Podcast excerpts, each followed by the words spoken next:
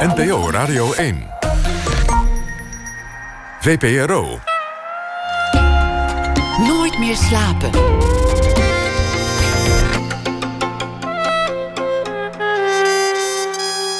Met Esther Naomi Perquin. Goedenacht en welkom bij Nooit meer slapen. Zangeres en tentoonstellingmaker Raja El Muhandis koos op haar vijftiende voor de muziek. Ze reist de halve wereld over, maar voelt zich nergens echt thuis. Rond half twee maken we met haar een wandeling door het Haagse Laakkwartier... naar aanleiding van de muziektheatervoorstelling Thuis Ontheemd. En Wanda Rijssel heeft nachtdienst als schrijver deze week... en zij sluit vanavond af met een verhaal bij de actualiteit. Maar komend uur zit tegenover mij Ted Bransen. Hij was danser, werd choreograaf, artistiek leider en tenslotte directeur van het Nationale Ballet. Een man die weet hoezeer het menselijk lichaam een instrument kan zijn en hoe ver je moet reiken om dat instrument volmaakt te kunnen bedienen. Als directeur heeft hij uiteenlopende rollen en taken. Vernieuwen, deuren openzetten, grootse gebaren durven maken, maar ook weten wat heilig is en wat niet en daar pal voor staan. Hij is de man die carrières van anderen bepaalt. Afgelopen woensdag ging Onjekin in première. Een ballet gebaseerd op de roman in verzen van Pushkin. En voor dansers behoren de hoofdrollen uit Onjekin... tot de meest begeerde in het klassieke repertoire. Ted Bransen breekt dus altijd harten. Gelukkig worden er ook weer de nodige harten opgekweekt. Een aantal jaar geleden zette hij de Junior Company op, waar toptalent uit de hele wereld wordt voorbereid op een danscarrière. En hoe dat er precies uitziet, daar gaan we het straks ongetwijfeld over hebben. Maar laten we toch maar beginnen bij de kern. Dat moment waarop iemand volkomen samenvalt met wat hij doet. Het blijft een wonderlijk fenomeen dat ongelooflijke inspanningen iets opleveren dat eruit ziet alsof het nauwelijks moeite kost. Een vorm van poëzie of zelfs magie. Ted, welkom. Dank je. Ja, dat, dat samenvallen, die, die magie, die poëzie van het ballet, dat, dat zijn misschien uh, grote woorden van een, een leek op dit gebied. Nee hoor, dat is precies waar het om gaat. Heb jij dat gevoel nog steeds? Na ja, ja, vandaag nog. We, komen net uit de voorstelling. We hadden uh, de tweede voorstelling van Onjegen en dat is de première van een tweede bezetting. En daar gebeurde het, dat het echt samenviel. Dat ze echt de, de twee hoofdrolspelers, Anna Ol en Arthur Shestedikov, echt in het moment waren. Alles werkte wat ze wilden doen. En alles kwam over wat ze wilden uitbrengen. En ja, dan ben je niet eens meer... Dan zijn, als danser ben je dan niet eens meer bewust iets aan het projecteren. Dan ben je alleen maar. En dat is het essentiële, denk ik, van dans. Wat je, dat je dan iets kan overbrengen. Zo totaal aanwezig zijn in het moment. En, en dat, het laten gebeuren. Ja. Is, is dit ook eh, wat mensen toch blijft aantrekken aan, aan ballet? Want het, het is natuurlijk wel een genre met een, een drempel. Ik voel me altijd uh, vooral ontzettend dik als ik in de buurt van, uh, van dansers ben. Ik heb wel eens samengewerkt met dansers en die stonden in de kleedkamer allemaal te springen en te jupsen en te naakt en, en heel gemakkelijk. En toen dacht ik, god, wat een, wat een wereld waarin je lichaam zo'n zo'n zo'n technisch ding ook wordt. Ja, maar het is ook je lichaam. Het is inderdaad, je lichaam is je instrument, maar het is ook. Je, je, het valt natuurlijk helemaal samen met jezelf. En waarin eh, eh, het gewone leven, zeg maar, er vaak een scheiding is tussen, tussen het lichaam en geest, en lichaam en wie je denkt te zijn, is dat bij dansers niet zo. En dat is juist ook het interessante, vind ik, van het vak. Dat je helemaal samenvalt met wie je bent. En dat je inderdaad bezig bent met dat lichaam... en het ook totaal als vanzelfsprekend aanneemt... dat het er altijd voor je is. En ook verbaasd bent als het een keertje niet werkt... of als er een blessure komt. Uh, en tegelijkertijd is er iets wat je, waar je toch de hele tijd mee bezig bent. Maar een, de dansers hebben een hele uh, complexe relatie met, met hun lichaam. Je ziet ook de hele dag naar jezelf te kijken als je danser bent. Want je werkt in studio's met spiegels... en die spiegels zijn er niet om te kijken hoe mooi je het doet... maar vooral hoe niet goed je het doet, uh, door om jezelf te corrigeren.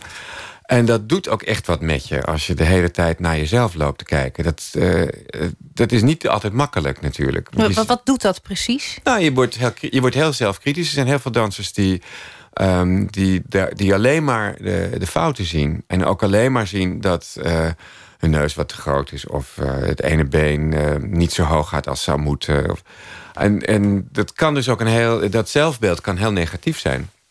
Is het niet altijd gelukkig. En er zijn heel enkele gevallen van mensen die, die zichzelf zo beeldig vinden dat ze daar geen genoeg van krijgen. Maar dat is eigenlijk heel zeldzaam. En het is echt anders dan wat de meeste mensen denken. Een narcissuscomplex is, is, is gewoon niet. Nee, dat is niet. Dat is eigenlijk ook niet praktisch trouwens als je daar last van hebt. Nee, dansen zijn meestal heel streng voor zichzelf. Uh, en er wordt, je wordt er constant geconfronteerd met je eigen falen. En, en wat je niet kan. En dat begint al als je heel jong bent. Want dansen begint altijd heel jong natuurlijk. Begin je aan de bar. En je begint een les, dat doe je met z'n allen. En er is altijd één iemand die dan toekijkt. Je docent. Die geeft ook aanwijzingen en die geeft correcties. De hele dag door wordt je verteld wat je niet goed doet. Daar moet je tegen kunnen. En daar moet je ook, daar moet je ook op een positieve manier mee op, om kunnen gaan. En het is ook voor mij nu in het vak wat ik nu doe, is het ook een zaak om te weten hoe mensen daarmee om kunnen gaan.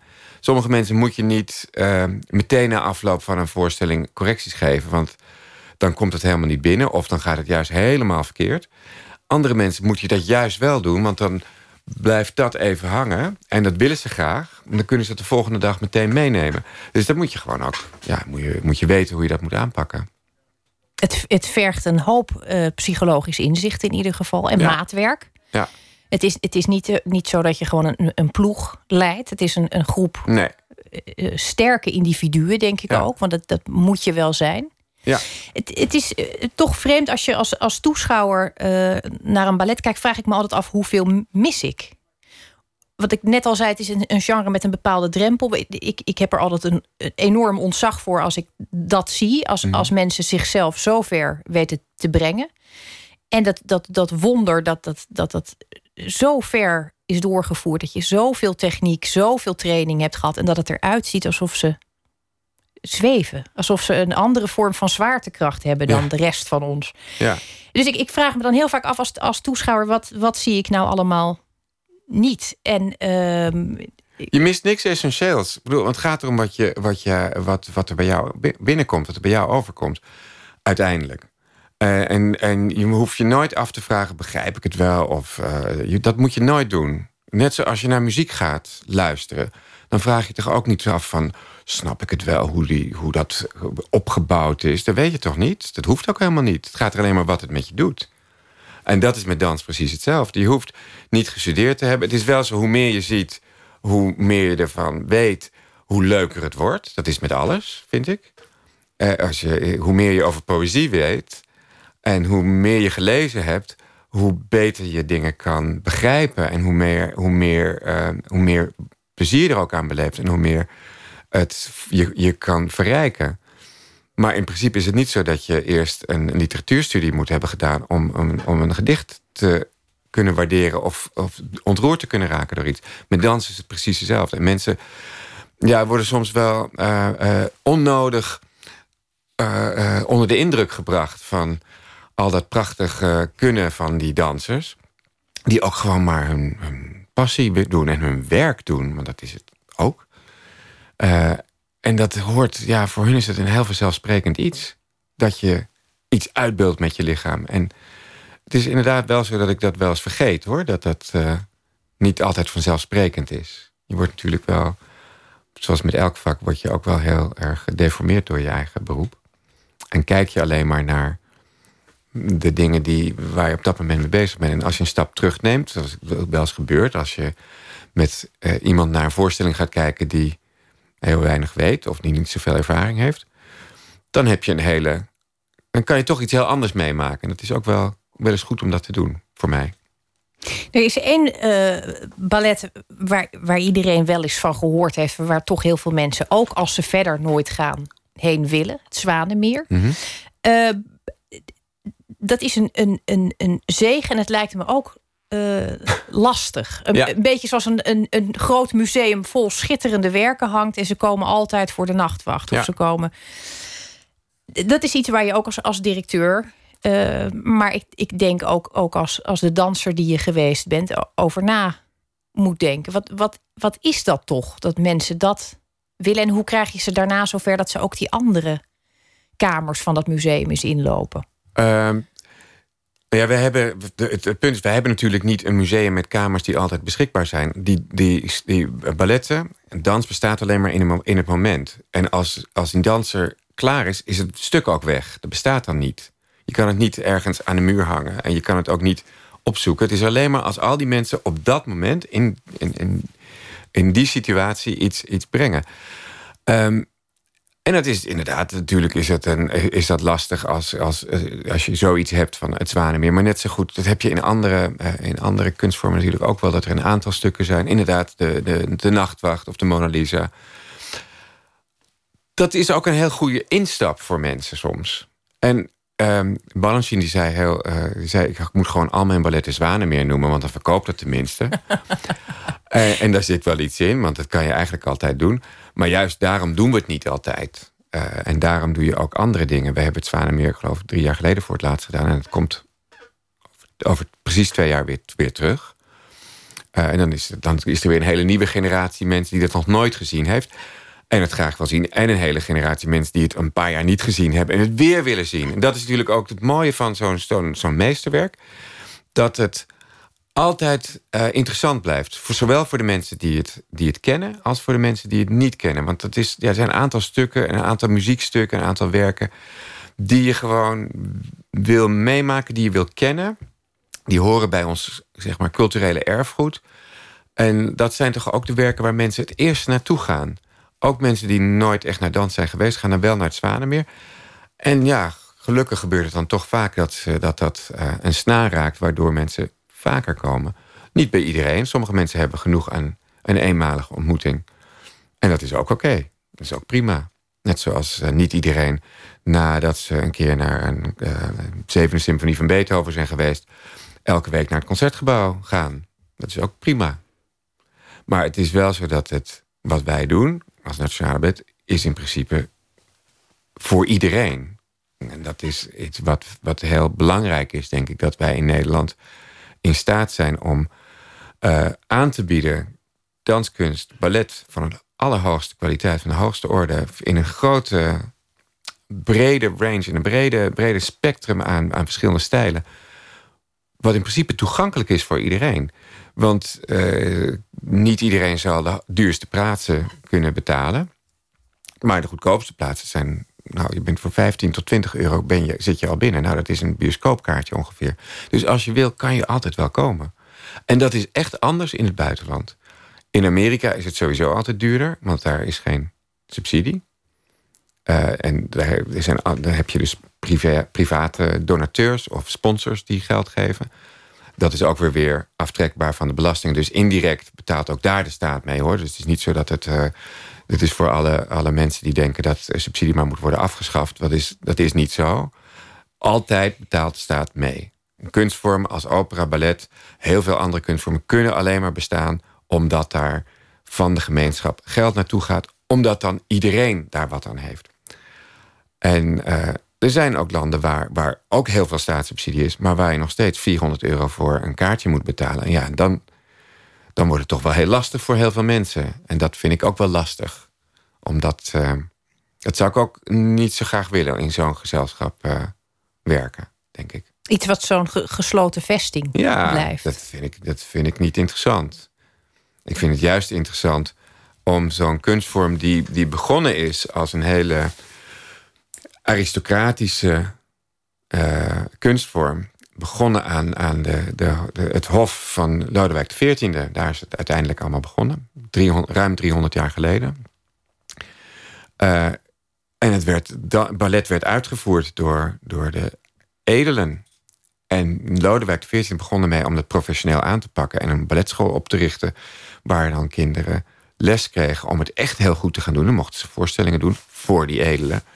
En pas in de 19e eeuw werd dat steeds meer voor het uh, eerst de, de, de bourgeoisie, maar ook steeds meer voor het gewone volk toegankelijk. En in de 20e eeuw is dat vooral in Rusland een volkskunst geworden. En ja, in de hele 20e eeuw is dat doorgegroeid. En dat is in Nederland. We zijn heel laat met, met ballet. Het is eigenlijk pas na de Tweede Wereldoorlog in Nederland van gang gegaan. Maar meteen ook een kunstvorm geworden die voor iedereen toegankelijk was. En ook voor heel veel mensen, ook mensen met niet zo'n grote beurs, uh, enorm veel betekent. En ik vind dat van groot belang dat we dat, uh, dat, we dat voortzetten. En dat we. Kijk, dansers zijn ook niet allemaal uh, met een zilveren lepel in de mond gesproken. Hoe heet het? Silver spoon. met een Engelse verkeerde vertaling. Ehm, dansers komen van hele verschillende achtergronden. En ons publiek ook. En dat, is, dat vind ik heel fijn. En ik vind het ook heel fijn dat we een prachtig theater hebben midden in Amsterdam. Waar mensen van alle afkomsten en gelegen, allerlei soorten lagen van de bevolking elkaar ontmoeten. En, en met z'n allen in die zaal gaan zitten en het licht uitgaan. En dan met, met z'n allen voel je dan iets. Dat is het magische van theater überhaupt, vind ik. Dat je met z'n allen uh, iets, een emotie en, uh, kan doormaken. Iets kan beleven wat, uh, wat universeel is. En wat ons verbindt met elkaar. Ja, wat dat betreft is kunst wel een, een, een, speelt een veel belangrijke rol Zeker in een tijd dat er zo weinig andere dingen overblijven die ons bindt. Religie die voor een groot deel is weggevallen. Uh, Vroeger keek je allemaal naar dezelfde televisieprogramma's. Precies. Dat is er ook niet meer. En, en dan, dan, dan sprak je de volgende dag erover op school of uh, in de kantine of bij de koffie. En dat is nu niet meer. Dus we zijn steeds, we zijn steeds meer aan het verbrokkelen. En, en podiumkunsten en muziek brengen mensen toch samen. En dan heb je een gedeelde ervaring. En het is zo belangrijk om je ook verbonden te voelen met anderen. Dus dat is deel van wat wij ook doen. En die kwetsbaarheid van een mens in. Want het gaat toch uiteindelijk om die mensen, om, om die menselijke. die daar met hun lichaam iets, iets uitbeelden. wat ja, ongelooflijk is. Maar het gaat nooit alleen maar om die acrobatie natuurlijk. Het gaat nooit om, om dat kunnen. Het zijn geen het zijn geen atleten in de zin dat het gaat om wie het hardste rent of het hoogste springt. Dat is ook belangrijk, want je moet die techniek hebben, maar het is uiteindelijk niet het doel. En het doel is dat je mensen weet te raken met, met je lijf en met die fysieke mogelijkheden. En dat lijf is iets wat we allemaal gemeen hebben. En daarom is het ook iets waardoor we allemaal geraakt kunnen worden. Die identificatie met een danser kan iedereen. Iedereen springt op. Dat zie je echt in de zaal als er, als er iets een grote sprong. Dan zie je ook mensen echt zo bijna meegaan. En dat, ja, dat is een hele mooie. Dat vind ik heel mooi. Dat vind ik een hele mooie ervaring om het elke keer weer te mogen zien. Wat, wat is jouw eigen herinnering in dat opzicht? Want er, er moet een moment zijn geweest in jouw leven dat je misschien voor het eerst op deze manier geraakt werd. Kun je je dat herinneren? Was je heel jong? Nee, ik was niet heel jong. Ik ben pas laat in uh, aanraking gekomen met dans. Ik was denk ik 17 toen ik voor het eerst ballet zag. Live. Ik had een vriendin die uh, uh, tegenover mij woonde en die, die nam mij mee. Die heeft me eerst naar theater meegenomen en toen naar ballet. En ik kan me herinneren, de eerste voorstelling die ik zag was Giselle. En dat was met Alexander Radius en Hanne Ebelaar. En daarna, een week daarna zijn we naar uh, Vijf Tango's geweest. Dat was in 1977, dus precies, is dat 40 jaar geleden. Uh, en het was het, toen dat in, net in première ging. En het was, nou, ik was helemaal overdonderd daardoor. Vond het zo spannend. Maar dat was niet meteen iets wat ik dacht, dat ga ik ook doen. Maar wat, wat, wat was de reden dat ze jou meenam? Want ze moet dan wel hebben gedacht, dat, dat is wat voor Ja, ja, ja ze, zij was iemand die heel erg, uh, heel erg zelf in theater uh, geïnteresseerd was. En, en theatervormgeving vooral. en, en van daaruit ja, er waren echt wel buitenbeentjes in, in Amstelveen waar, waar ik opgroeide. Zeker in onze straten geen, niemand, niemand ging daar gewoon wekelijks naar theater of naar het concertgebouw of zo. Dat was niet zo. Dat is echt een ander soort volk. Um, dus zij namen mee en dat, dat heeft wel. Dat verbond, dat was ook iets waar, waar we samen dan uh, uh, heel erg in geïnteresseerd uh, waren. En heel erg door geraakt waren. Je bent inderdaad 17 en dan maak je zoiets mee. Nou, ik vond het geweldig. Een jaar later, in, het eind van dat jaar, uh, was ik afgestudeerd. En toen ben ik een jaar in Amerika geweest. Uh, wat, wat, deed je daar? Uh, ik ging naar college. Ik wilde. Ik, ik, ik had mijn gymnasium afgemaakt in, in Amstelveen. En ik dacht, ik ga studeren, maar wilde niet meteen gaan studeren. Ik wilde heel graag weg uit Amstelveen. Wat heel fijn opgroeien was, maar ook wel heel erg saai. Um, en ik dacht, ik wil weg. En toen in mijn eindexamenjaar in oktober hing een briefje op het bord dat je kon opgeven voor een uitwisseling met nou, zo'n zo'n uitwisselingsprogramma naar Amerika, een jaar college. Dus ik heb dat meteen, uh, meteen aangemeld en drie maanden lang allerlei toetsen moeten doen, want ik moest wel een beurs hebben. Dat kon ik niet, mijn ouders konden niet betalen. En dat is gelukt. Ik kreeg een beurs voor een, een college een all-men's college, wat ik helemaal niet wilde. ik dacht, het leek me vreselijk. Maar goed, dat, dus ze zeiden meteen erbij... maar er is ook een all-women's college daarnaast. Dat, die, die lessen worden uitgewisseld. Dus dat, nou oké, dat heb ik dan gedaan. In het uh, noordwesten van, van de staat New York. Acht uur rijden van New York City vandaan. En bij Kirkland College, het all-women's college... hadden ze juist hele leuke studies allemaal. Women's studies en, en sociology en political science... en een hele grote kunstafdeling waar ook een, een faculteit dans was. En ik heb daar theater gedaan. En in mijn tweede semester heb ik ballet erbij genomen. Omdat een vriendin van mij zei... je moet maar eens meekomen naar een balletles. Dus wat voor jou. En ik deed niet aan sport. Dat vond ik, uh, en zeker die Amerikaanse sporten, dat vond ik allemaal reuze eng. Het is vooral heel modderig en, en nou, breed voetbal. Allemaal van die jongens met enorme pakken aan. Als gladiatoren rennen ze daar rond. Ik dacht, word ik alleen maar vermorseld. Dat zie ik helemaal niet zitten. En hockey, dat waren allemaal van dat soort wintersporten. Ik hield niet zo van teamsporten sowieso. Dus ballet, dacht dansen vond ik dan wel, leek me dan wel leuk. En na, na een paar lessen dacht ik, oh, dat is wel. Toen heb ik dat dus op, in, in, mijn curriculum genomen, dus als, als vaste les. En toen ben ik ook heel veel gaan trainen. En ik had een docent die zelf laat begonnen was, die zei tegen me: na een paar maanden een beetje als je, je hebt talent. En als je wil, dan kan dat nog. Eigenlijk moet je tien zijn om te beginnen, maar je, met jongens kan dat soms ook wel eens later. En je hebt een goed lijf. En ik had yoga en, en turnen en zo gedaan. Dus toen dacht ik, dat ga ik doen. Ik word danser. Ik ga helemaal niet naar de universiteit. Dat kan altijd nog. Dus ik ben ouders opgebeld en uh, dat verteld. Het heugelijke nieuws. Papa, mama, dus rond Pasen. Ik word danser. En uh, ik weet, mijn vader die, uh, die nam op en die zei... ja, dat is heel leuk, maar weet je hoe laat het hier is? Ik had helemaal geen rekening gehouden met tijdverschil. Dus het was uh, vier uur s'nachts toen ik ze wakker belde met dat nieuws. En, maar die hebben me altijd gesteund. En die, waren, die, vonden, die, waren, die hadden iets van, weet je het wel zeker? En toch een beetje van, echt niet naar de universiteit. Ik was de eerste uit onze familie die dat dan zou doen. En ik zei, nee, nee, dat, kan, dat komt later wel. Danser geworden uh, nou, eerst, eerst dus de academie. Dat was een hele tour om daarop te komen. En ik was natuurlijk toch ouder. Ja, want je, dat, dat, dat maakt je ook gelijk, denk ik, een beetje een vreemde eend in de bijt. Ja. Je, je kunt een, een goed lichaam hebben en gesport en, en yoga en turnen hebben gedaan. Maar, maar anderen die op hun tiende begonnen, die hebben natuurlijk een hele. Ja. Ja, eigenlijk al een klassieke voorscholing, stel ik me zo nou, voor gehad. Ja, dat klopt ook. Maar ik, eh, in die tijd was het voor jongens niet ongebruikelijk om wat later te beginnen. En ik zat toevallig in een, in een klas met vier jongens die allemaal later begonnen waren. Uh, eentje had zelfs was al begonnen aan zijn studie scheikunde. En die is later, uh, die, is, die is ook, heeft het goed gedaan, is afgestudeerd en bij Scapino Ballet terechtgekomen. Uh, een andere kwam bij Christine de Chatella terecht, moderne, dans, moderne danser geworden. En eentje die heeft, die heeft voortijdig afgehaakt. En ik was de enige van onze klas, ook van de Zuiders verder allemaal meisjes bij, die allemaal wel op jonge leeftijd waren begonnen. En ik was de enige van onze klas die bij het Nationale Ballet aangenomen werd. Tot ieders grote verbazing, overigens hoor. Dat had ik ook helemaal niet verwacht. Dat, uh, in eerste instantie was ik ook niet aangenomen. En pas na de eindvoorstelling in eind mei of juni. Toen ik al lang een ander contract had en, en drie keer heen en weer was geweest bij toch wel, toch niet bij het Nationale Ballet. was allemaal heel traumatisch, eerlijk gezegd. Toen kreeg ik een telefoontje van mijn directrice van de school. Die zei, ja, Rudy van Danzig wil je morgen spreken.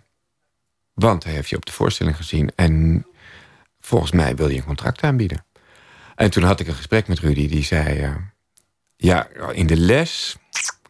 Technisch ben je niet altijd de beste danser. In de les had ik wel echt mijn twijfels. Maar op het toneel ben je echt een, daar ben je echt een danser en een artiest. Dus wil je komen dansen, wil je hier komen. Nou, dat had ik eigenlijk niet meer verwacht. Dus ik wilde heel graag komen. En uh, twee weken later kon ik beginnen.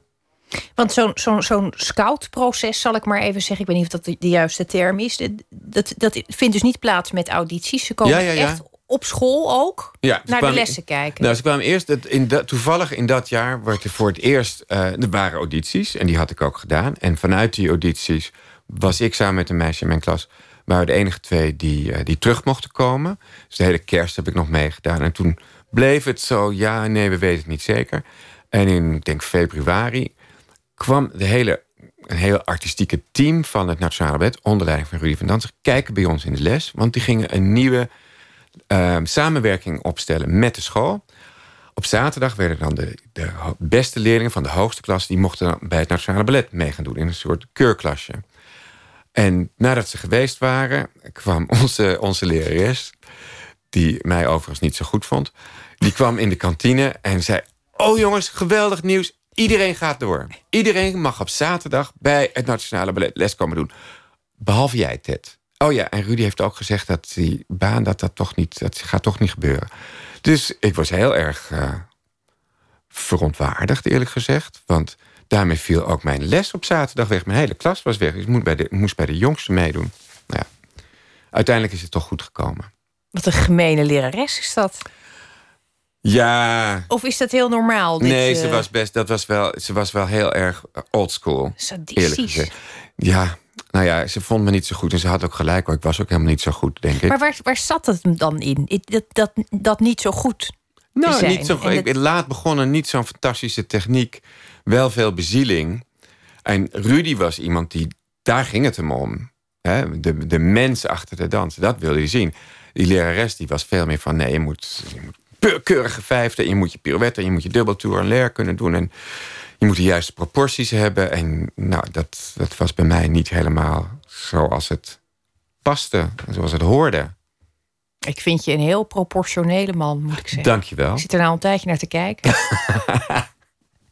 Volgens mij had ze er geen kijk op. Nee hoor, dat mag je niet zeggen. Dat zegt mijn moeder ook altijd gelijk. Die mensen hebben daar geen verstand van, zegt ze dan... als iemand iets gemeens heeft gedaan. Um, het is toch goed gekomen. Ja. Met jou en, en met Rudy dus ook. Ja, ik was, hij was heel erg... Uh, ik had een, toch wel... Uh, ik, ik, was nooit, uh, ik ben nooit beste danser geweest in, in, die, in dat gezelschap. Maar ik had wel een bijzondere band met hem, denk ik. En hij, hij mocht me wel. En hij, kijk, omdat ik laat begonnen was op de academie...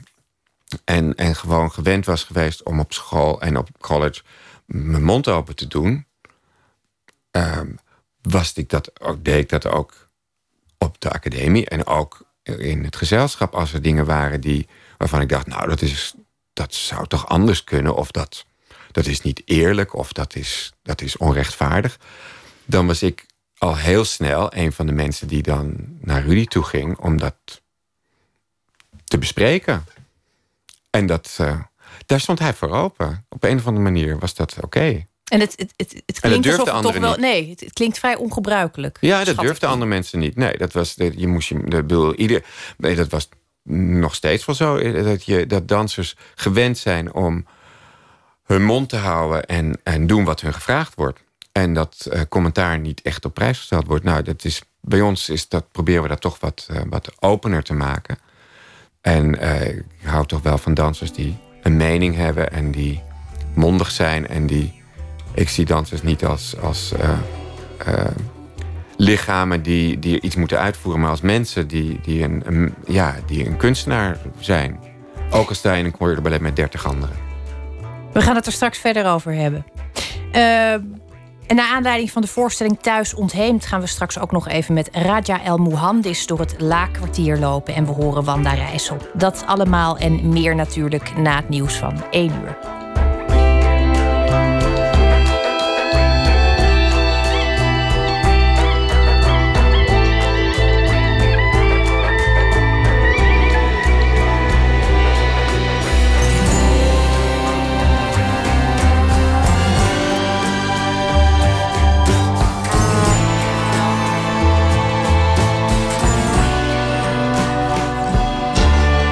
Radio 1, het nieuws van alle kanten.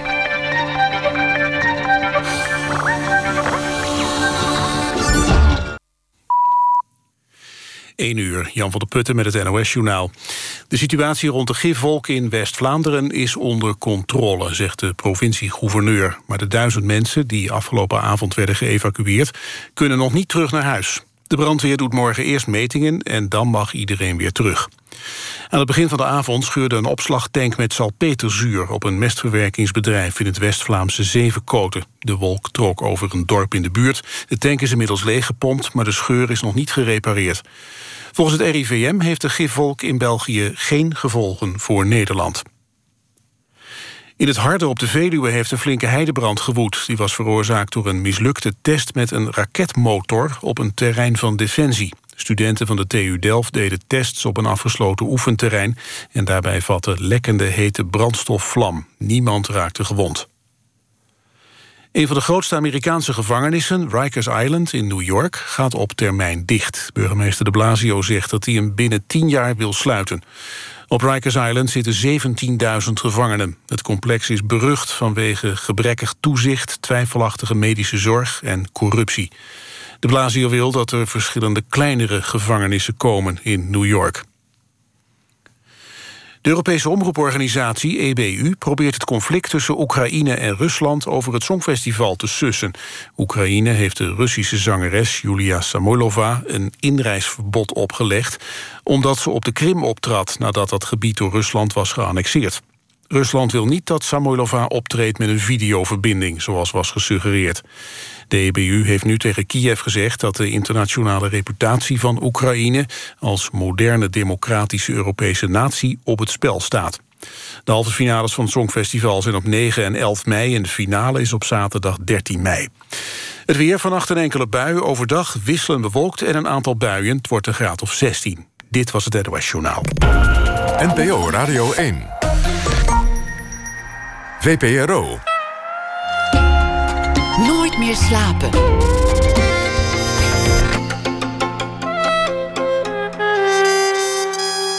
Met Esther Naomi Perquin.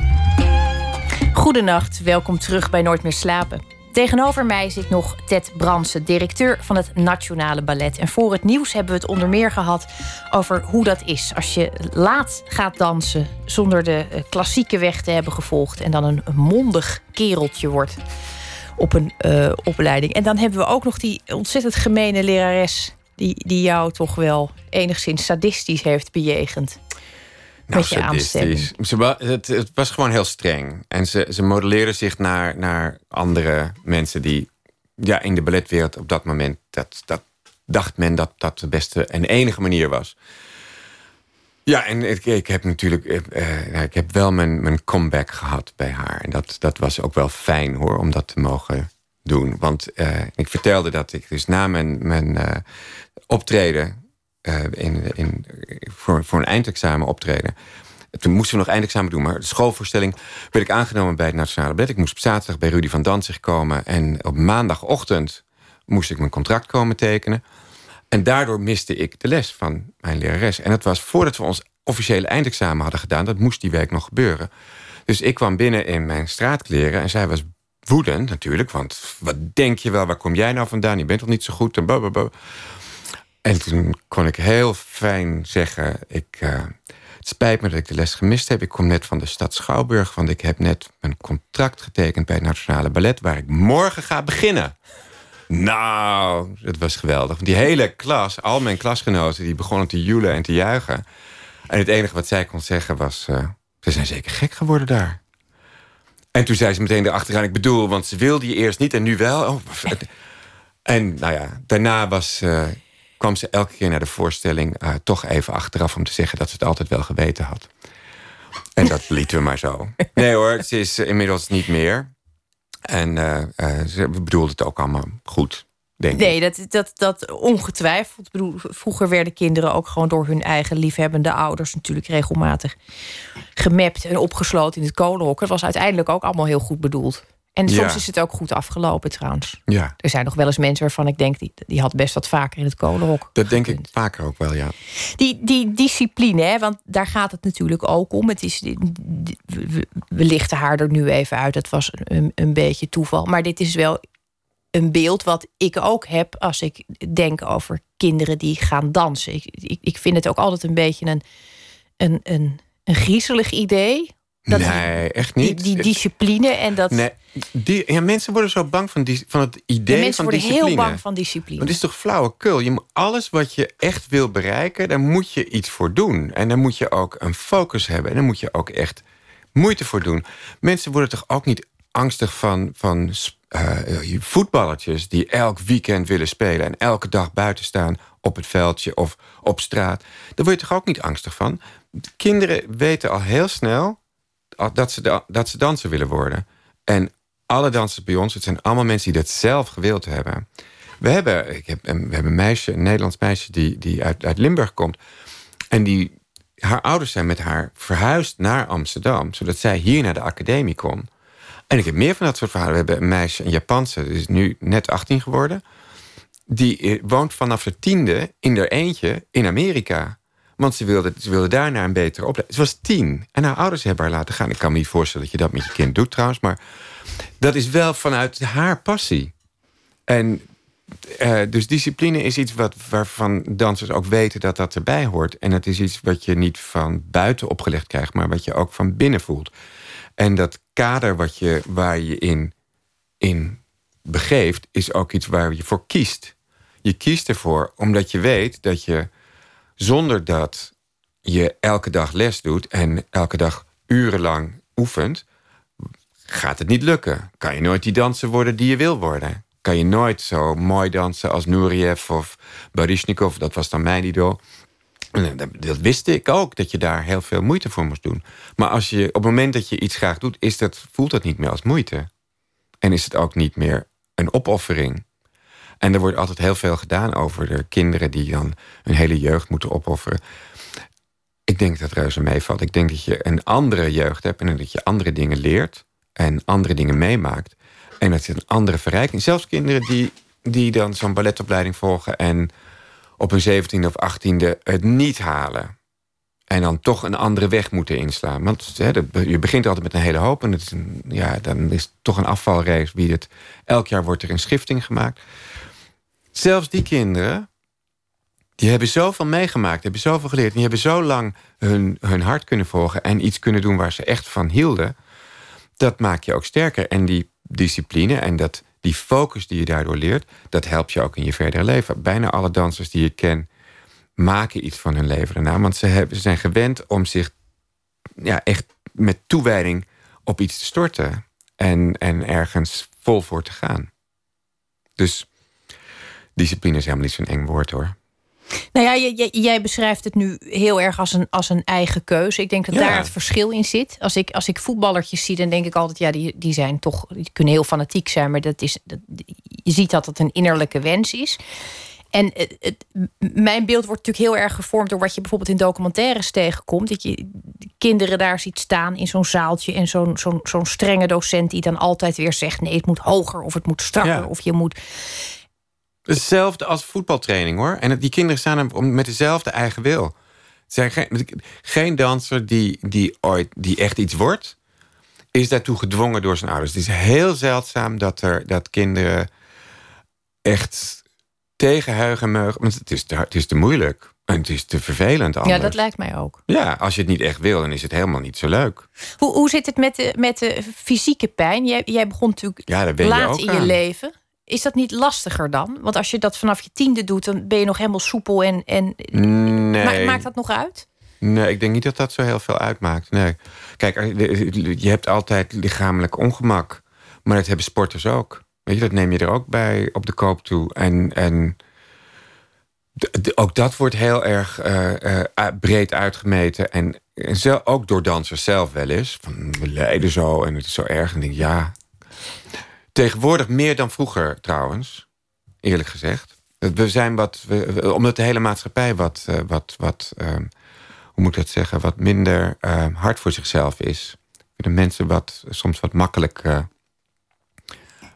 toegeven aan, aan dingen die niet goed gaan of dingen die je meemaakt en ja, leed en ongemak. Dat, dat zie jij wel verschuiven in de loop Ja, ik vind dat mensen veel te, veel te, zichzelf vaak te veel te, te serieus nemen. En als iets misgaat of als iets leuk is, dat je dan zo heel erg daaraan toegeeft. Ik vind het helemaal niet te kwaad kunnen dat je een beetje uh, uh, kop op, gaat door, schouders eronder, niet zo zeuren, mentaliteit hebt. En ik vind dat dat wat een ik vind dat eerlijk gezegd in de hele maatschappij wel wat, wat wegvallen. Dat we ontzettend uh, onszelf ontzettend kunnen huilen en ontzettend met onze emoties op de loop gaan. En dat vind ik niet altijd een positieve ontwikkeling. Het is, is natuurlijk een, veel gehoord uh, geluid. Dat, dat mensen sowieso erg op zichzelf gefixeerd zijn. Ja. Dat lijkt me ook een aspect van, van uh, de balletwereld. En, en, misschien zit ik nu achter elkaar alle clichés op je af te vuren. En moet je je daar maar doorheen uh, worstelen. Het, ja, het, is niet anders. Maar wat, wat mij altijd heel lastig lijkt, is dat je het. Die dansers hebben allemaal, dat, dat kan niet anders. Mhm. Anders kom je hier niet doorheen. Een, een sterke persoonlijke gedrevenheid. Die willen heel hoog komen. Mhm. Maar ze moeten het tegelijkertijd ook van elkaar hebben. Mhm. Je wilt allemaal die solist zijn. Ja. Maar je, je, je bereikt het niet zonder elkaar. Het is een heel, eigenlijk een heel interessante psychologische Ja. situatie. Ja, dat is ook wel zo. Eh, iedereen wil, wil, wil solist worden. En, iedereen, en de meeste mensen komen er op een gegeven moment achter dat dat niet zal gebeuren.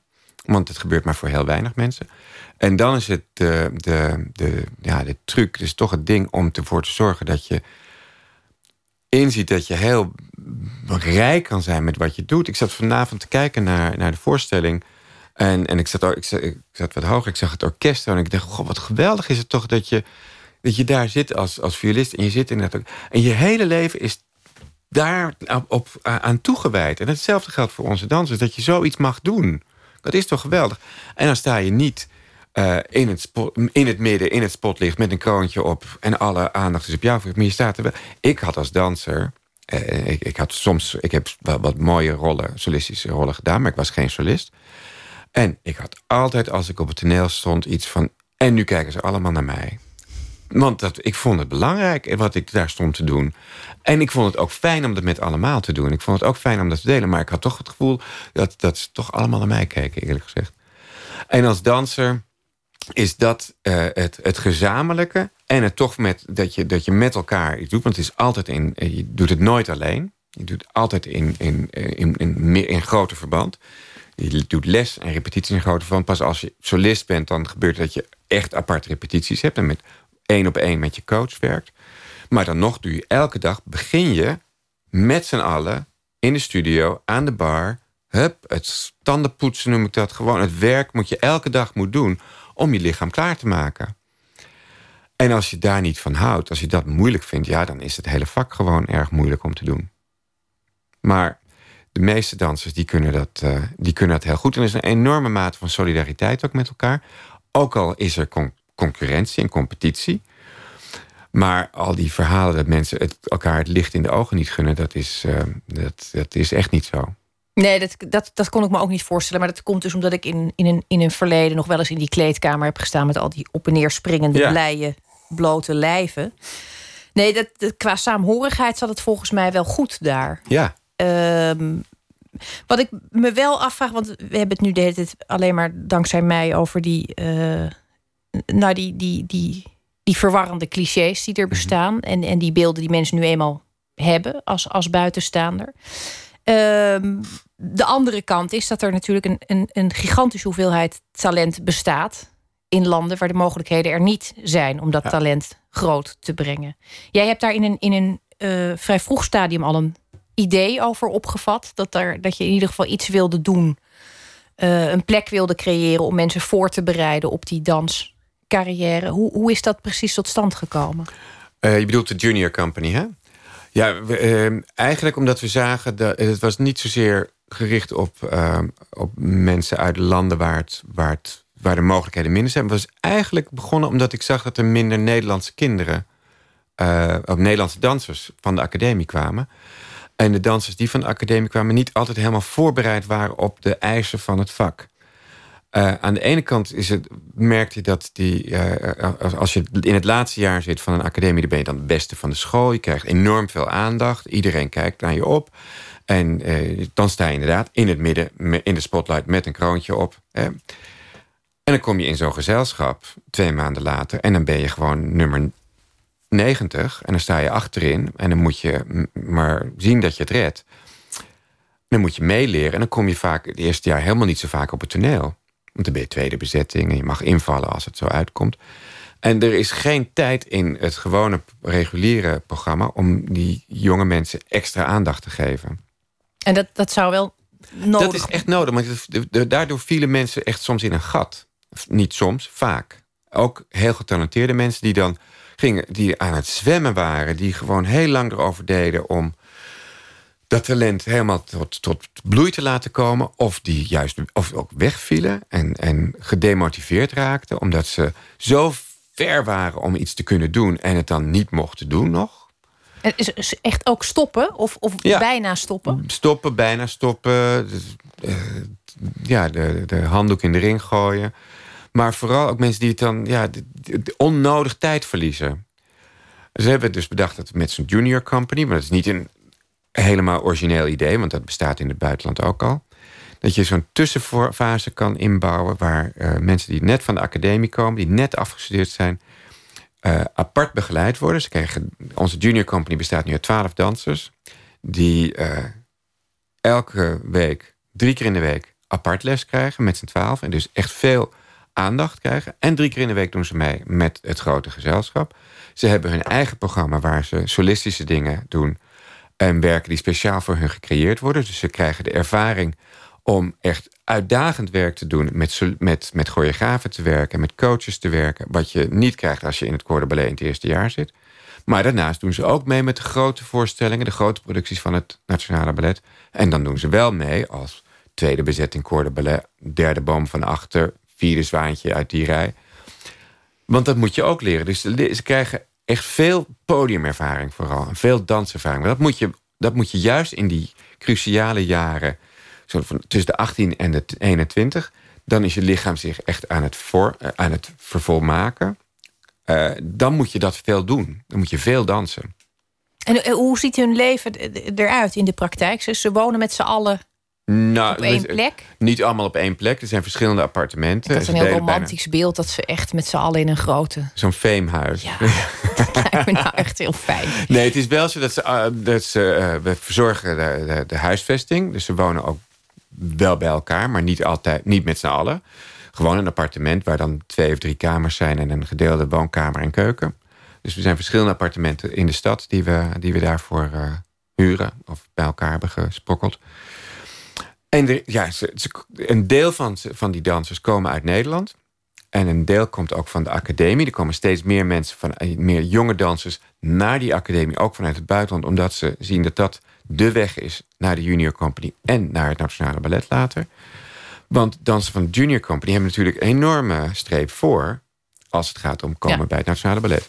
We hebben nu drie jaar, we zitten in het vierde jaar, we hebben nu drie jaar uh, Junior Company mensen gehad die, die afgestudeerd zijn. Want het is een tweejarig programma eigenlijk. Maar vaak na het eerste jaar kunnen ze al doorstromen. En we hebben nu 18 dansers van de Junior Company in het grote gezelschap. Dat is bijna een derde. Volgend jaar is het, er komen er vijf bij. Dan is het echt een derde van het gezelschap. Komt uit de Junior Company.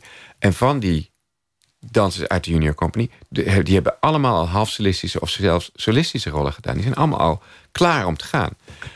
En het heeft voor de hele groep echt wat betekend. Want die zien opeens, ook mensen die wat langer in het koor zaten... die zien opeens die jonkies binnenkomen. Die zijn, nou, die zijn gretig en hongerig en die hebben alles al gedaan. En die, die, die gaan snel. Dus iedereen is opeens op zijn kivive. Dat, dat heeft ook goede nieuwe energie gegeven. Ja, ik ben heel blij dat dat zo goed lukt. De eerste halfsoliste is uh, Michaela de Prins. Die is uit de eerste lichting Junior Company. Die is in, uh, in, per januari is het tweede solist. En dat is heel snel. Zo'n reis naar de top. Ja, je ogen twinkelen erbij als je het zegt. Hoe, hoe, hoe selecteer jij? Want dat, ik noemde dat net even in mijn inleiding... dat jij altijd harten breekt. dat is een tikkeltje dik aangezet. Ik neem aan dat, dat, dat ze dat ze wel vaker barstjes hebben opgelopen en dat ook weer kunnen lijmen. Maar het blijft natuurlijk, je maakt ja. carrières ook. Ja. Die keuze ligt, ligt bij jou. Ja. En bij zo'n zo'n junior company, ehm, ik, kan, ik kan me niet voorstellen hoe groot het aanbod is, maar dat, dat moet iets heel trechtervormigs zijn om daar te komen. Wat is het wat je zoekt als je kijkt? Uh, nou, ten eerste, ja, je kijkt, bij dansers kijk je altijd eerst naar wat zijn de fysieke kwaliteiten. Hoe ziet dat lijf in elkaar? Uh, uh, want dat maakt wat uit. Dat is dat je goede proporties hebt, goede, goede faciliteiten, goede uitdraai. Want hoe beter dat is, hoe minder kans op blessures. En hoe, beter, hoe langer je ook mee kan gaan en hoe meer je kan. Dat wil niet zeggen dat het perfecte lijf altijd de beste danser betekent. Hoe, hoe ziet het perfecte lijf eruit als je dat als nou, danser uh, hebt? Uh, Heel recht? misschien? Recht. eh, wat, over het algemeen wat lange benen. eh, Een beetje doorgestrekte knieën is wel mooi. Mooie sabelbenen. Goede voeten. Dat met mooie vreven. Eh, rechte rug. eh, niet te groot hoofd. Dus goede, ja, mooie proporties. Maar dat betekent helemaal niet dat al die dansers dat zijn hoor. En dat hebben. Het zijn vaak de dansers maar die niet alles mee hebben. Die het hardst ervoor moeten vechten. Die het beste worden. Want dat is het eerste dus. Je moet het lijf hebben. Dan moet je daar iets mee kunnen. Dan is het techniek die je geleerd hebt. En dan, hoe kan je dat? Dan is dat, dat is de muzikaliteit en je artisticiteit. Dat, moet je allemaal, dat zien we allemaal in zo'n auditie. En dan komt nog bij een soort ja, vuur in je ogen. en Het doorzettingsvermogen wat iemand heeft. De intelligentie die iemand heeft. Als dansers moeten ook slim zijn. En het is een, ja, dat is echt een heel belangrijk. Het is niet noodzakelijk eh, eh, intellectuele eh, boekenintelligentie, maar het is wel een ander soort intelligentie om eh, te weten waar je bent in de ruimte, te- hoe je muziek moet interpreteren, hoe je muziek moet eh, oppakken, hoe je eh, eh, danspassen moet leren. Dat soort intelligentie. Ja, en dat moet je, dat zien wij, want ik kijk, ik kijk niet in mijn eentje, ik kijk altijd met een panel, met een team naar onze audities. Voor, nou, dit jaar bijvoorbeeld hadden we meer dan 700 aanmeldingen voor de auditie die we in januari hebben gehad. Daar kwamen, daar hebben we 120 mensen van geselecteerd van die aanmeldingen. Die mochten naar Amsterdam komen. En daar hebben we vier contracten weggegeven. En die andere vier contracten die we nog over hebben, die, gaan we, die hebben we gegeven aan mensen die op andere manieren gescout worden. Ik ga over een paar weken naar New York, of twee weken geloof ik, voor de Youth America Grand Prix. Dat is een van de grootste balletcompetities ter wereld. En daar zit ik in de jury. En we hebben nog één plek over voor een meisje in de Junior Company. En we hopen dat we daar iemand vinden die we een plek kunnen geven. Zo werkt dat dus. En ja, uiteindelijk is het, eh, is het ook elke keer... Ja, je moet toch wel een beetje vallen op iemand. En dat heeft met heel veel dingen te maken. Dat heeft te maken met hoe ze daar... En daarom is het ook goed dat, eh, dat niet alle directeuren dezelfde smaak hebben. Want anders zouden, ja, dan zouden we niet zoveel verschillende dansers hebben. En het leuke van ons gezelschap vind ik dat we een grote mate van diversiteit hebben in de dansers die er zijn. We hebben, ik hou best wel van hele lange dansers, maar we hebben ook hele kleine dansers. En eh, ze zijn niet allemaal eenvormig. En ze zijn allemaal heel erg individueel. En dat vind ik ook de kracht van het Nationale Ballet. Dat we, ondanks het feit dat we overal vandaan komen... want we hebben iets van 27 nationaliteiten in, de, in het gezelschap... en dus allemaal verschillende trainingen en achtergronden... dat we toch een homogeen gezelschap vormen... En, en als een eenheid naar buiten kunnen gaan. Maar het zijn wel allemaal individuen. En ik vind dat ook, ja, dat vind ik ook belangrijk. Het is eh, een, een, een opmerkelijk gegeven wat ik eh, tegenkwam toen ik eh, me in jou verdiepte. En dat heeft hier eigenlijk, eh, het heeft hier in zekere zin ook mee te maken. Het gaat om uh, Ahmed Toudé. Ahmad, ja. Dat, dat moet iemand zijn geweest waar je vanuit de verte ook op een bepaalde manier voor viel. Want je, ja, ja, zeker. Wat, wat, wat voor uh, danser is dit? En hoe, hoe kwam je hem op het spoor? Uh, Ahmed, uh, Ahmad heb ik alleen gezien in de documentaire van Roesbek Kaboli. voor Nieuwsuur. Rachel Bojan, de hoofd van artistieke staf. En, zeg maar de, tweede, de tweede vrouw dan in, in, bij het Nationale Ballet. had het samen met haar man Rob van Woerkom gezien. En, en belde mij op. Zei, dit moet je zien. En dat heb ik dus op uitzending gemist op een zondag gekeken. En ik was heel erg geraakt door die jongen. Omdat hij die drang om te dansen, daar was hij zo helder in. En dat herkende ik zo van andere dansers. Dat herkende ik zo van net als bij ons, bij ons. En ik zag ook meteen dat het niet een danser was voor in ons gezelschap. Hij was 26, hij heeft niet uh, de training die, die wij zouden willen hebben. En is niet van dat niveau. Maar het is wel een, iemand die echt iets te melden heeft als danser. En als mens, maar ook als danser echt een, een gave heeft. En ik werd, werd geroerd door zijn verhaal. Uh, dat je in zo'n stad als Damascus, waar je helemaal kapot geschoten, waar, je verdreven bent uit je eigen buurt, um, waar je vader tegen was dat je ging dansen en je sloeg, want dat gebeurde met hem. eh, om hem maar tegen te houden. En de moeder, zijn moeder is de enige geweest die hem altijd gesteund heeft. Zijn moeder heeft, is gescheiden van zijn vader, daarom ook. Ehm, en waar, nou, Ahmad die, die werd bedreigd met de dood. En had iets van, ja, kan me niet schelen, ik ga toch door. Ik ga toch door want kunnen, ze kunnen me dat nooit afpakken. Dat vond ik zo'n... Ja, dat is natuurlijk iets waar, waar, waar ik heel erg geroerd word. Ja, dat moet haast appelleren aan, aan jouw eigen kern. Ja, ik dacht, die jongen die, die wilde het echt. En nou, het was eigenlijk heel simpel toen. Maar ik dacht, ja, ik herken zo iemand. Ik, het is een soort... Je, als dansers, dansers ken je ook... Ik ken heel veel dansers overal ter wereld waar ik kom in een ballet. Dus zijn er mensen die je ken of waar je kennis van hebt. Er is een connectie. Je voelt je toch als een grote familie. En ik zag Ahmed echt als iemand die deel van onze familie was. En daar wil je dan wat voor doen. En het, ja, ik dacht, wij, kunnen, wij brengen vaker dansers hier naartoe. We hebben al die nationaliteiten, we zijn dat gewend. We hebben de junior company, dat werken we samen met de school. Ik wist dat ik kan acht niet een contract aanbieden. Dat zou raar zijn, want dat is niet het soort dansen wat wij nodig hebben. Dus dat zou niet eigen zijn, dat zou ook niet eerlijk zijn. Maar hij wilde graag studeren, dat zei hij. Hij wilde graag verder studeren en zijn kennis uitbreiden... en beter les kunnen geven. Ze dacht, nou, via de, Nationale Balletacademie kunnen we dat wel regelen. En dat ging ook eigenlijk heel snel. De volgende dag sprak ik eerst met onze uh, zakelijk leider. Die vond het ook een goed idee. Uh, en die begon niet meteen over geld. Die zei, ja, gaan we doen.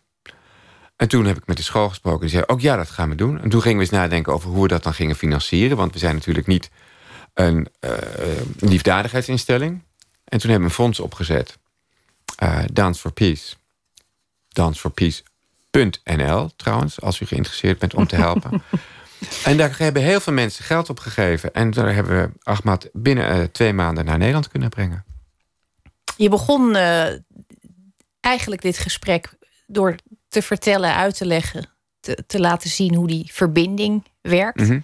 Hoe je mensen verbindt met dans, hoe mensen zich verbonden voelen door dans. En, en, en daar eindigen we nu ook mee. Dat vind ik toch een, en vind ik een aardig gegeven. Ted Brandsen, dank je wel dat je er was. Ik vond het een ontzettend fijn gesprek. Dank je wel.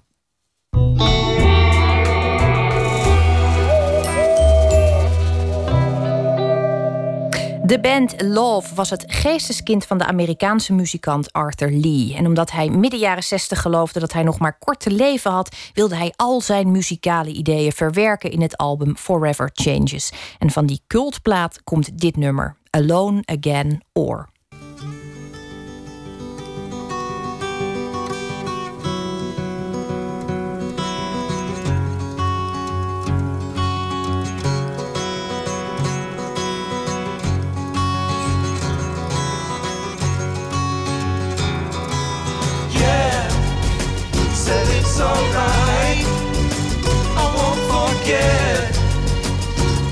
time's up.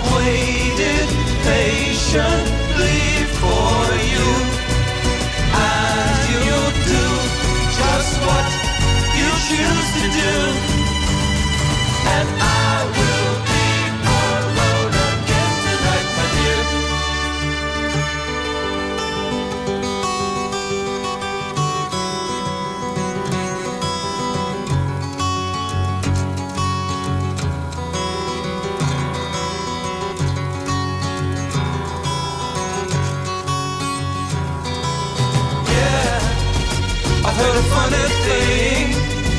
Somebody said to me, you know that I could be in love with almost everyone. I think that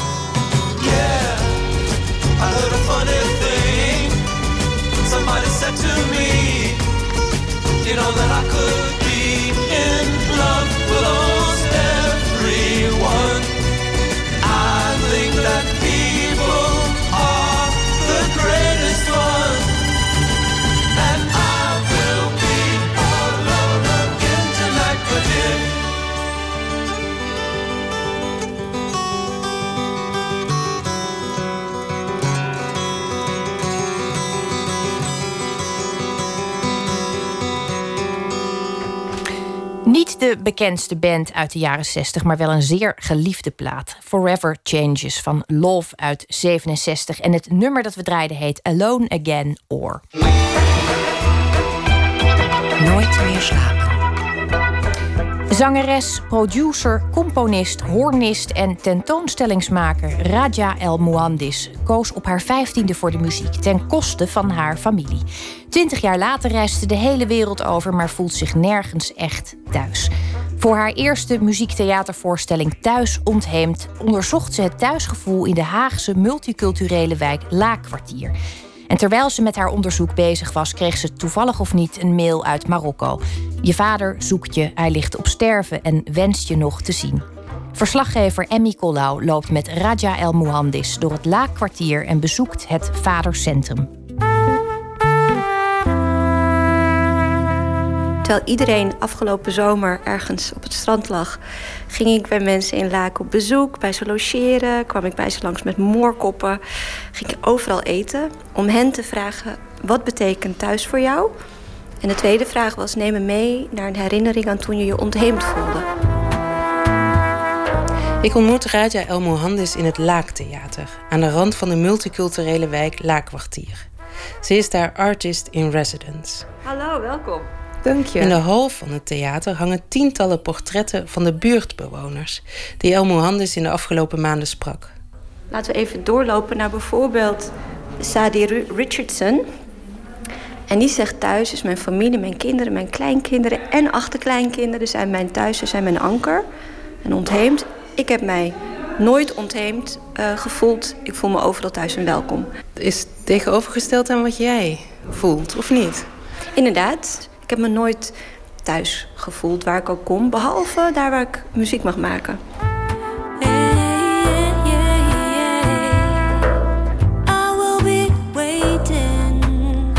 Raja El Mohandis kwam vanuit Marokko naar Nederland toen ze pas een paar maanden oud was.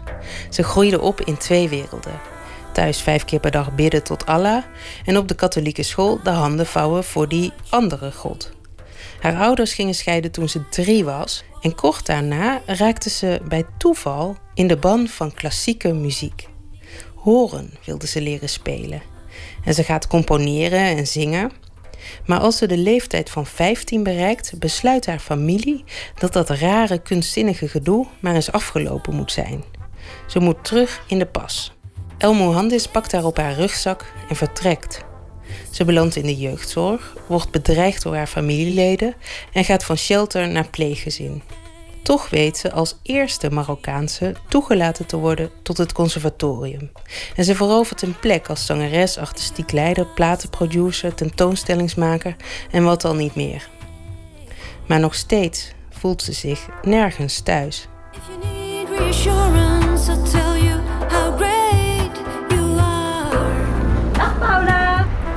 We gaan naar het uh, vadercentrum. Ja, daar zijn mijn vrienden.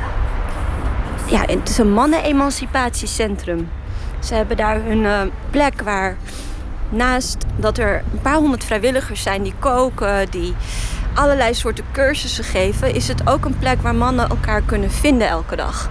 Dus je ziet mannen uit alle culturen, alle leeftijden, alle geaardheden zelfs. Um, die een plek hebben waar ze vijf keer per week kunnen eten. Of ze nou een cent te mak hebben of niet. Um, ze kunnen vaardigheden leren. Maar ze kunnen ook uit de brand geholpen worden. En waarom alleen mannen? Mogen wij wel naar binnen dan? Nou, er zitten ook vrouwen. de voorzitter is bijvoorbeeld een vrouw. Ehm, maar het is in Nederland niet meer dan normaal dan dat we vinden dat vrouwen hulp nodig hebben.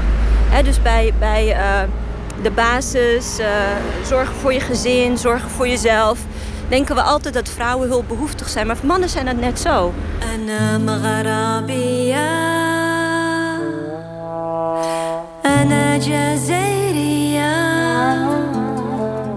Aan het begin van de grotendeels autobiografische voorstelling Thuis ontheemd vertelt El Mohandis over een mail die ze onverwachts uit Marokko krijgt.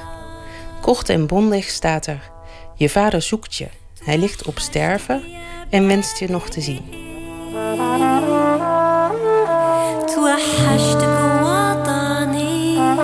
Mijn vader was al snel uit beeld. En dat was behelpen. En ik werd uh, geconfronteerd met het feit dat hij ongeneeslijk ziek was. En wat doe je dan? Ga je dan uh, uh, bevriezen en niks doen? Denken van, oh, ik ken hem toch niet? Of pak je dan je telefoon en bel je? Een week voordat ik die mail kreeg, dat een e-mail... ging ik eten bij de vaders van het vadercentrum. Want ik was bezig met mijn volonderzoek. Ja, en bij het vadercentrum kun je niet kun je niet dat verbergen. Moet je wel zeggen, nou ja, mijn vader. Ik, zeg, ik heb geen vader. Huh? Iedereen heeft een vader, zeiden de vaders. En vooral het groepje Marokkaanse vaders, die zeiden... kom eens even hier, jij kent je vader niet. Wat is zijn naam? Wat doet hij? Nou, dan sta je met een, met een mond vol tanden. Want dat is, dat die gaan terug naar de kern. Wie ben je? Wat is je identiteit? Wie je bent, dat, dat is je familie. Ja. voor een groot gedeelte. Ja, en dat, dat, dat, zijn, dat, waren, dat zijn oudere mannen van de eerste generatie. Uh, oh, kom je daar vandaan? Dus die gingen echt al een hele route voor me uitstippelen. Van, nou, je moet hem gaan zoeken. En meneer Hilali, ik hoop dat hij er zo is... maar die werd heel emotioneel en die zei... ik voel het, je moet hem zoeken, je moet hem zoeken. Een dochter die haar vader niet kende, kan niet.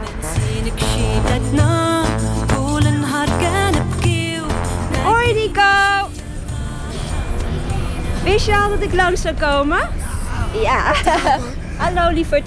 Daarvoor ben ik zo netjes gekleed. Ja, wat ben je netjes gekleed? Jullie kennen elkaar goed. Er werd een dikke knuffel. Uh. Uh, ja, ja, ja, ik heb ze afgelopen weekend dus ook uh, in het Laagtheater gezien. En? Prachtig. Ja? Echt fantastisch. En gaat u vaak naar het theater? Nee, maar dit was echt een, een uitzondering. Ja. Hallo. Middag. Ja, Mikolo. Ja, Mikolo, ja. Kom kijken hier. Valt, valt, staat er iedereen open hier. Mag kijken. Ja. Nou, het is heel druk. Ja, een beetje druk vandaag. En uh, nou, wegwinkelen. Nico, wil jij een mooie foto maken van ons samen? En een omhelzing? Ja, ja, ja, ja. Zo. Ga ik gelijk sturen naar mijn vrouw. Ik liep hier rond en ik dacht, jeetje, als mijn vader zo'n vadercentrum had gehad, dan had hij misschien wel voor me kunnen zorgen. Als hij zulke mannen om zich heen had gehad, dan was het misschien wel gelukt om zijn verantwoordelijkheid te nemen. Want dat is wat deze mannen doen. En dat was heel duidelijk wat hij niet deed. Nee, wat hij niet kon. Hij was zelfs gewelddadig, toch? Ja. Ja, dat was echt een autoritaire man die uit een tijd komt waarbij het overleven was, maar ook toen in Marokko vrouwen geen rechten hadden, niet gelijk waren aan mannen bij wet, niet van hun mannen konden scheiden. En ehm, hij, is, uh, heeft oorlogen meegemaakt, heeft in het verzet gezeten. Maar dat wil niet zeggen dat iemand een held is in, een, in zijn persoonlijk leven. Als iemand gevochten heeft voor zijn land, wil dat niet, nog niet zeggen dat iemand een beschaafd persoon is. Een heel primitief persoon was hij. Dat is mijn grote vriend, meneer Hilali. Ah, meneer Hilali. Dat moment dat je de telefoon opnam en dat nummer intypte, hoe was dat? Ja, ik dacht, ik kan twee dingen doen. Ik kan het of niet doen, of ik kan nu gewoon verstand op nul doen.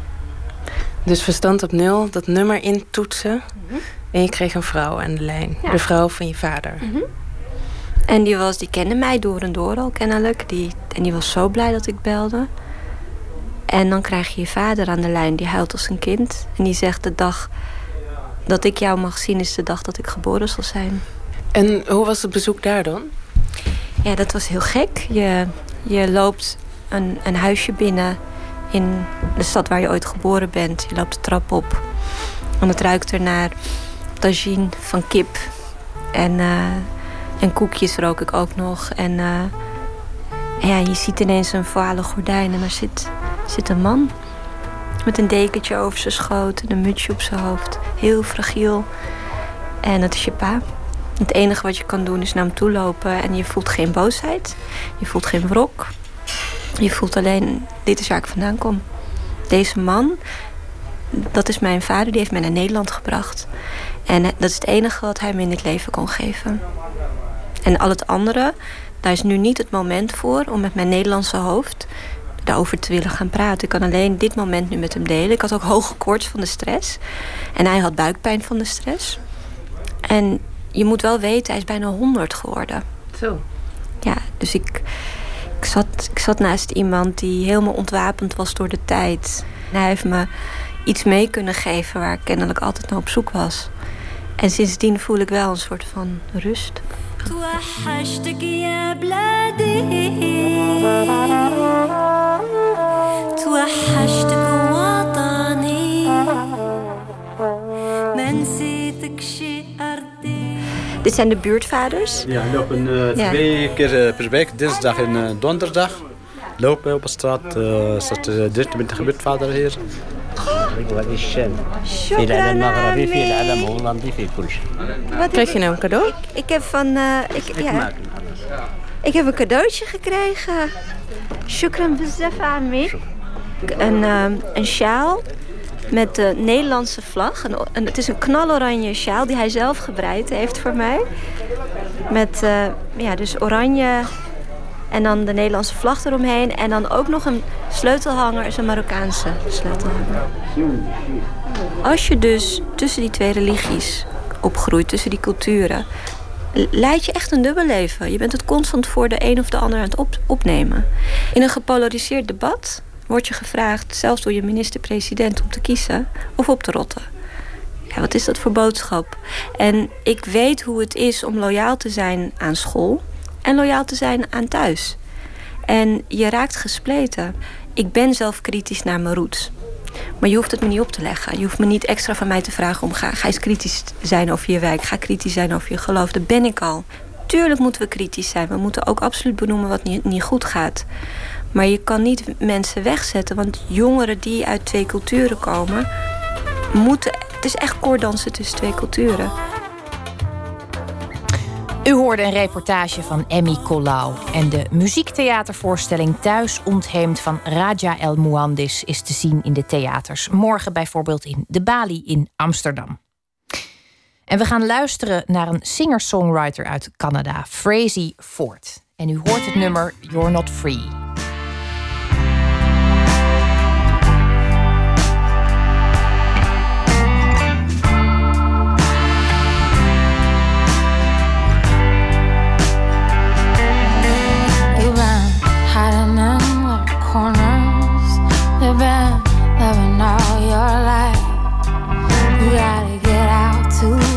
Country and leave your trouble mind. Cause you're not free.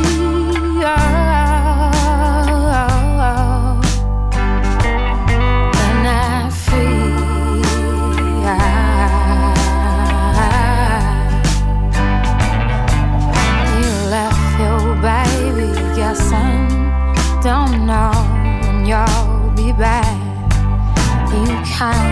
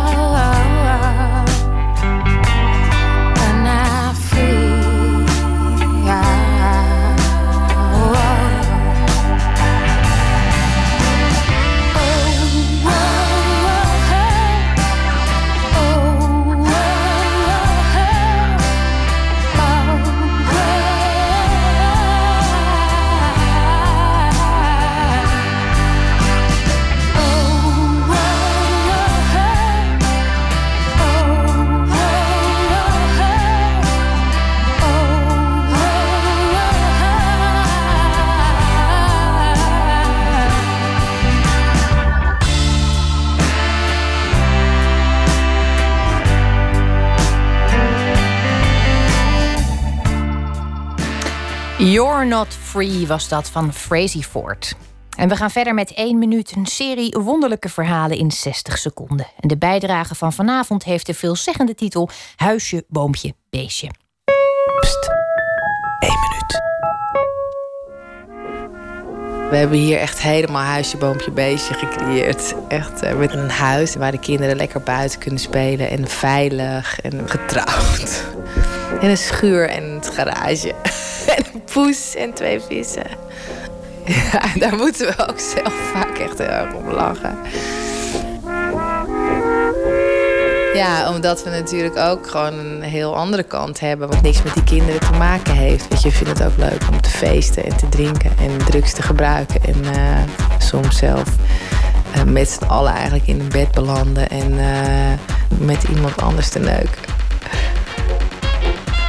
Het is een enorm contrast met andere mensen dat je ziet die dat nooit meer doen. Heel erg dronken worden en een klein kind hebben, dat past niet bij elkaar vindt men.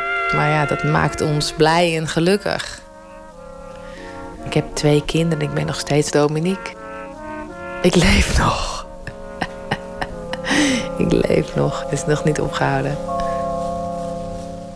U hoorde een 1 minuut gemaakt door Jennifer Patterson met dank aan het Mediafonds.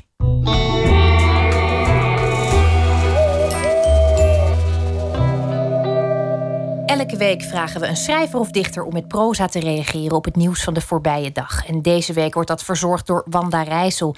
Ze schrijft romans, filmscenario's en theaterstukken. En meest recent verscheen haar roman Liefde tussen vijf en zeven. Wanda, goedenacht. Goedenacht, Esther. Hoe heb jij eh, deze dag beleefd? Want het was uh, grotendeels een, een, een echte, authentieke Nederlandse lentedag. Ja. Er zat een omslagpunt in, vind ik altijd interessant. Mm als de lucht betrekt en het een beetje naar geestig lijkt te worden? Ja, dat is waar. Dat is waar. Ik, uh, iemand uh, die belde mij op en zei... Ik zei, is het mooi weer buiten? Toen zei hij, nee, het gaat nu omslaan. Dus dan weet je ongeveer, dan weet je ongeveer hoe ik mijn dag heb doorgebracht. Ja, um, binnen dus? Ja, binnen. Vaak, hè. Vaak, vaak weet, ik, weet ik niet eens. Ik bedoel, ik kijk hier uit op water, dat is prachtig.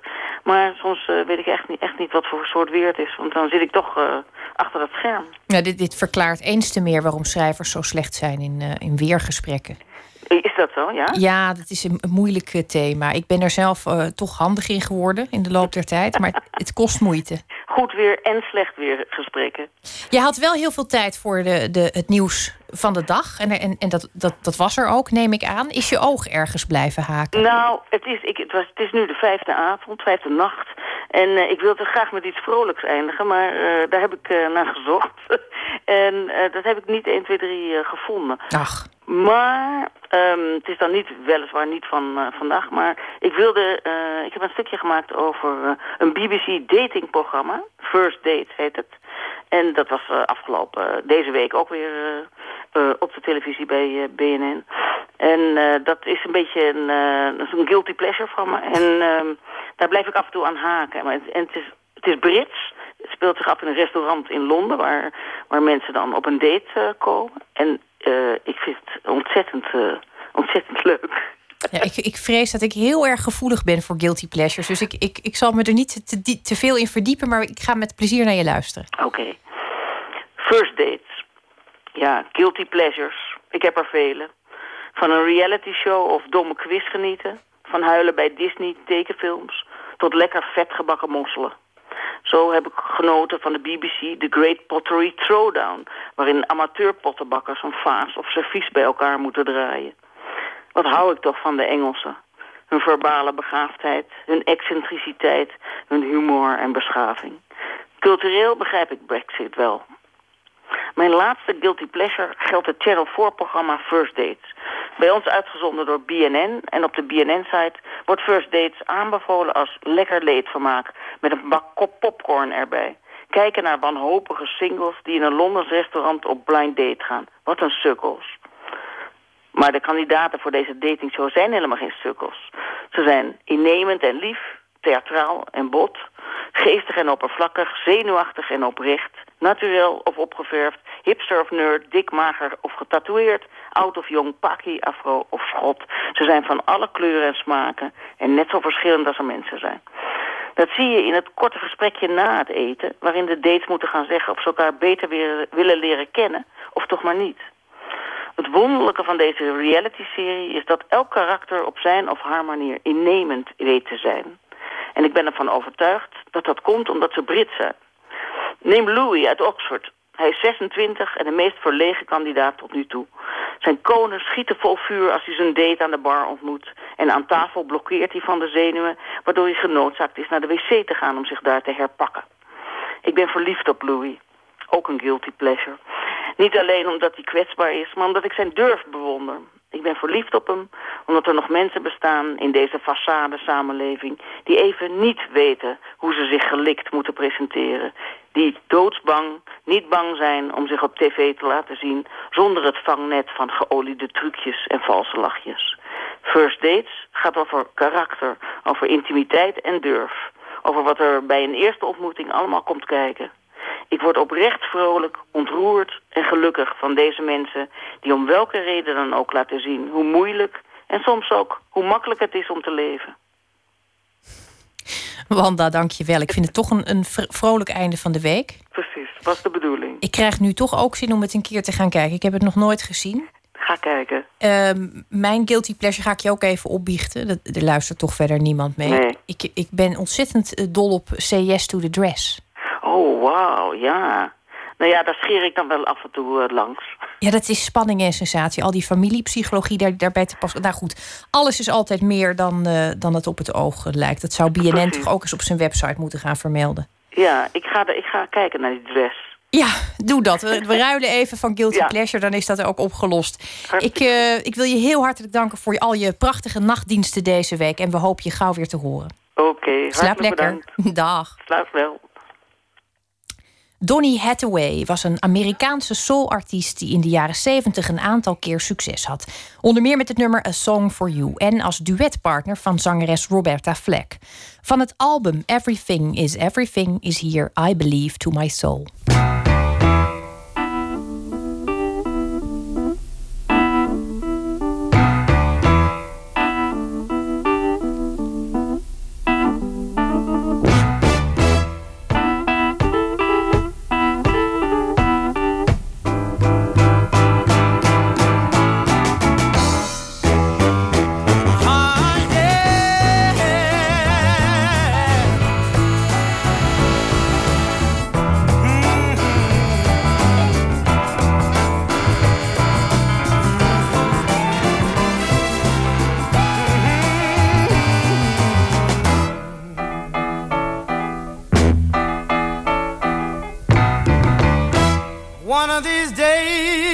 It won't be long. You're gonna look for me, and I'll be gone.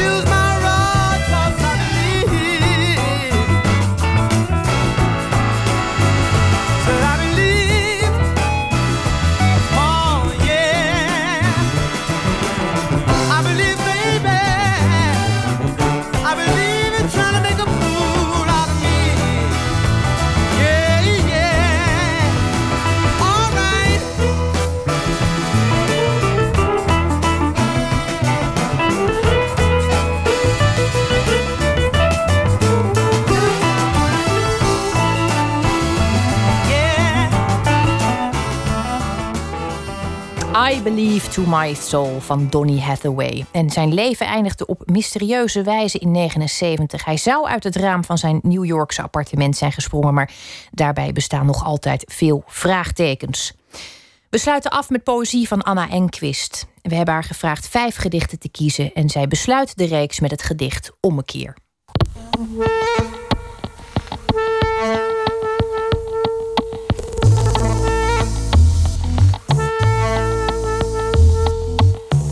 Ommekeer. Wel eens bedacht dat er ooit een begin was, een aanvang, een start. Iemand nam een spade en keek naar de klerk met het meetlint, de broek van fluweel. De steel was verzweet. Het blad beet in de klei. Wetering, waterloop. Het heette gracht. Het groeide drievoudig gekromd tot vandaag. Nu is het genoeg. Tijd stopt als een zieke machine. Tijd keert zich om. Als boomtakken priemen de fietsen recht in de lucht. De gemeentepraam flikkert oud roest in het water. Matrassen gaan zweven. Een kat komt tot leven en krijst. Daar is de man. Hij verrijst met de armen gespreid. Zijn grimas wordt een glimlach. Wijdbeens op de wal knoopt hij langzaam zijn gulp dicht. Hij verdwijnt achteruit op zijn fiets in de nacht. Dit is een gedicht dat ik ooit heb gemaakt voor een boek over de grachten van Amsterdam. In die periode dat ik dat verzoek kreeg, was het net gebeurd dat eh, de zoon van een, vroegere vriendin van mij verdwenen was. En uh, na een tijdje is hij gevonden en het bleek dat hij uh, s'nachts in de gracht gevallen was. En dat is iets wat uh, in Amsterdam best vaak voorkomt. Als mensen dan te veel gedronken hebben en ze moeten plassen, dan gaan ze in de gracht plassen. En ja, als ze wat wankelen en omvallen, dan vallen ze in het water en kunnen zich zelf niet meer redden. Nou ja, dat was natuurlijk een enorme drama. En ja, ik heb dat in dat gedicht eigenlijk uh, de gebeurtenis omgekeerd. Uh, je ziet in Amsterdam wel eens van die uh, gemeenteboten varen... die dan oude fietsen uit het water halen... en wat mensen daar allemaal in mieteren. Hebben wat terrassen en oud huisraad. En dus ik draai het in het gedicht ook om... dat dat die uh, gemeentepraam die boel juist in het water uh, gaat. En dat in de omkering alles uit zichzelf opstijgt uit het water. En dat zo'n verdronken kat ook ineens weer gaat leven. En dat uiteindelijk ook die jongen, die man, uh, het water uitkomt. en dat je hem op de kant ziet staan. En dat hij nou ja, vrolijk op zijn fiets terug de nacht ingaat. Dus het is eigenlijk een soort goedmaakgedicht. Wat helemaal niet kan natuurlijk. Maar nou ja, die gedachte zat erachter.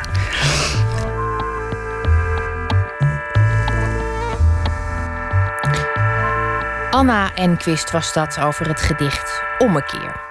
Ik vertel nog iets over maandag. Dan komt mezzo-sopraan Tanja Kros langs. Ze werd geboren op Curaçao en op haar zeventiende verhuisde ze naar Nederland. En tijdens haar carrière heeft ze diverse albums opgenomen en werkte ze mee aan een groot aantal opera's in binnen- en buitenland. Als de ideale Carmen-vertolkster bereidt ze zich momenteel voor op haar rol in Carmen Revisited, de nieuwe versie van Georges Bizet's opera. Dat onder meer maandag. Dan is Pieter van de Wielen hier natuurlijk weer. En straks kunt u luisteren naar Joop Radio. Ik wens u voor nu een hele mooie nacht.